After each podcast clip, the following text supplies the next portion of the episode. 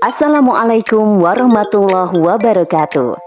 Sahabat podcast Narasi Pos Media, kembali lagi bersama saya, Yeni, kali ini dalam rubrik Cerpen dan Cerbung. Dosen Salih, karya Soleha Suwandi. Siapa tak tertawan oleh parasnya yang rupawan? Dia bukan sekedar dosen single dan ganteng, tapi juga cerdas dan terkenal alim. Namun siapa mengira dia tersandung kasus pelecehan seksual. Seorang mahasiswi bernama Retno mengadu kepada rektor atas perlakuan dosen tampan itu. Demi Allah, saya tidak melakukan pelecehan terhadap Retno. Bantah Angga, dosen itu terlihat tenang meski dalam nadanya terdengar bergetar. Bohong!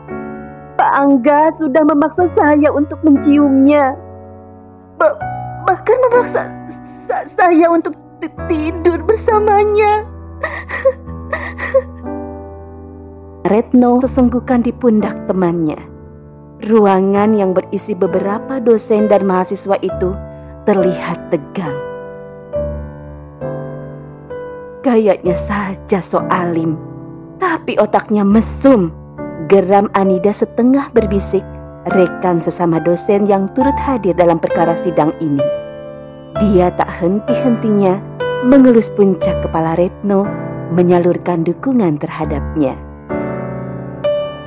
Sebelum ini, memang pernah terjadi kasus pelecehan di universitas tempat Angga mengajar. Tak tanggung-tanggung, korbannya cukup banyak bahkan sampai ada yang hamil, dan dosen yang bersangkutan telah dikeluarkan secara tak terhormat. Saat itu, Anggalah yang paling vokal menyuarakan agar dosen maupun mahasiswa dibekali keimanan agar tidak terjerumus pada jurang kenistaan. Bahkan ia termasuk orang yang menentang Permendikbud nomor 30 tahun 2021 sebab aturan tersebut dinilai hanya akan menyuburkan perzinahan di ranah perguruan tinggi. Misal, kalau dosen melakukan hal-hal demikian tapi disetujui oleh mahasiswinya, maka itu dianggap sah saja. Tak masalah dan tidak bisa dipidanakan. Padahal secara agama, berzina dilarang. Ia mengatakan bahwa peraturan tersebut tak akan menyelesaikan permasalahan yang ada selama masyarakat menganut sistem sekuler, dan satu-satunya solusi adalah diterapkannya sistem pergaulan Islam yang telah terbukti mampu menjaga kehormatan manusia. Pak Angga, selama ini saya mengira bahwa Anda dosen yang berbeda. Ibadah Anda rajin, Anda juga sangat menjaga adab. Tak hanya itu, Anda dosen yang tampan banyak mahasiswi yang suka. Kenapa tidak memilih menikahi satu di antara mereka untuk menyalurkan perasaan Anda? Tanya Pak Rektor memecah sunyi. Angga menghela nafas, lalu menatap Rektor sekilas dan ia menunduk. Saya berkata sekali lagi, Pak. Demi Allah, saya tidak melakukan pelecehan. Ini namanya fitnah. Suara Angga meninggi. Kali ini ia melihat ke arah Retno yang sejak tadi mencuri-curi pandang ke arah Angga. Tapi bagaimana dengan bukti chattingan kalian? Pak Rektor gusar karena Retno menyerahkan bukti berupa chat pribadi yang berisi ajakan untuk tidur bersama di sebuah hotel. Itu memang nomor saya, Pak. Tapi demi Allah, bukan saya yang mengirimnya pesan. Angga masih menyanggah. Saya hanya ingin Pak Angga menikahi saya. Suaranya menggelegar di ruangan yang hening. Saya tidak akan menikahimu. Tolak Angga keras. Kali ini wajah tampannya menyiratkan kemarahan. Wajahnya yang biasa berseri-seri kini berubah dingin yang membekukan. Pak Rektor menghela napas. Ia bingung. harus memutuskan apa. Sebab tidak percaya jika Angga akan berbuat demikian. Namun bukti chattingan tidak bisa dibantahkan. Angga tetap mencoba tenang. Tangannya sedari tadi sibuk memainkan ponselnya. Suasana kembali hening, hanya terdengar isakan Retno. Tak lama, pintu ruangan terdengar diketuk. Tiga mahasiswa yang tak lain Imron, Huda, dan Hendra memasuki ruangan usai memberi salam. Mereka bertiga adalah mahasiswa yang cukup dekat dengan Angga. Ikut kajian bersama Angga. Pak, ini dia pelakunya. Huda menyeret Hendra di tengah-tengah ruangan. Pemuda beransal besar itu hanya menunduk. Angga menghela napas dengan sikapnya yang tenang, ia pegang pundak Hendra. Berkatalah yang jujur. Saya sudah mendapat aduan dari Retno.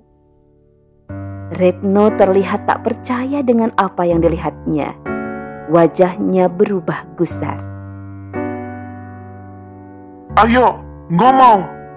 Bentak Imron tak sabar sambil mendorong bahu sebelah kanan Hendra. Pak Rektor mendekati pemuda-pemuda itu. Ia mengangkat wajah Hendra yang pucat. Ayo bilang nak. Perintahnya pelan. Se sebenarnya yang mengirimi datang pesan adalah saya pak.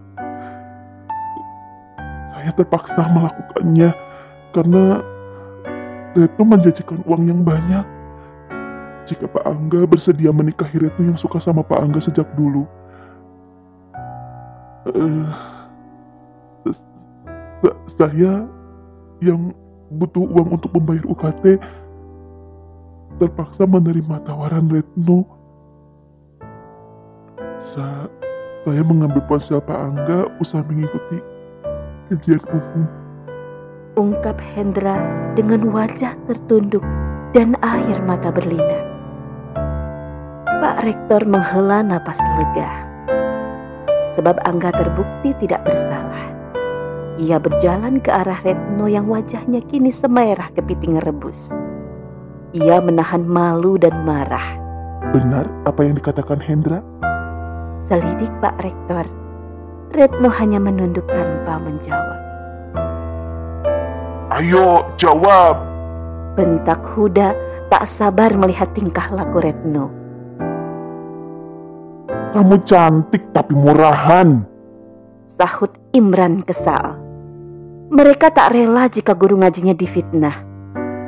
Angga menahan kedua muridnya itu agar tidak berkata-kata kasar. Sedangkan Retno sangat malu. Sambil menutup wajahnya, ia berlari keluar meninggalkan ruangan ini. Disusul temannya dan Anida yang mendampingi sejak pagi dosen wanita itu juga merasa malu sebab telah berburuk sangka terhadap Angga. Maafkan saya Pak Angga, saya berjanji akan menindak kasus fitnah ini dengan adil. Nama Anda sudah tercemar oleh seorang mahasiswi dan saya akan membersihkannya kembali. Tekad Pak Rektor. Terima kasih banyak Pak.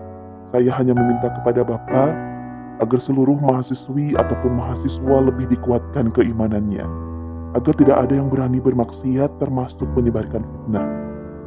Insya Allah Pak, akan saya terapkan konsep yang pernah Pak Angga sampaikan. Karena setelah saya pikir memang syariat Islam itu sempurna mengatur kehidupan manusia. Nanti pelan-pelan saya akan memisahkan kelas untuk mahasiswa dan mahasiswi. Alhamdulillah ucap mereka serempak. Angga juga mengucapkan terima kasih kepada Huda dan Imran yang sudah menyelidiki Hendra.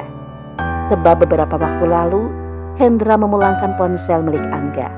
Alasannya tertinggal, padahal serasa Angga, ponsel itu ada di dalam tasnya. Angga dan kedua mahasiswanya keluar dari ruangan rektor dengan hati penuh syukur. Ia meyakini bahwa kebenaran pasti akan menang walau seribu rintangan menghadang. Begitu juga dengan syariat Islam yang sedang Angga perjuangkan. Kemenangan Islam atas manusia bagai matahari yang terbit. Tak akan ada yang mampu mencegahnya.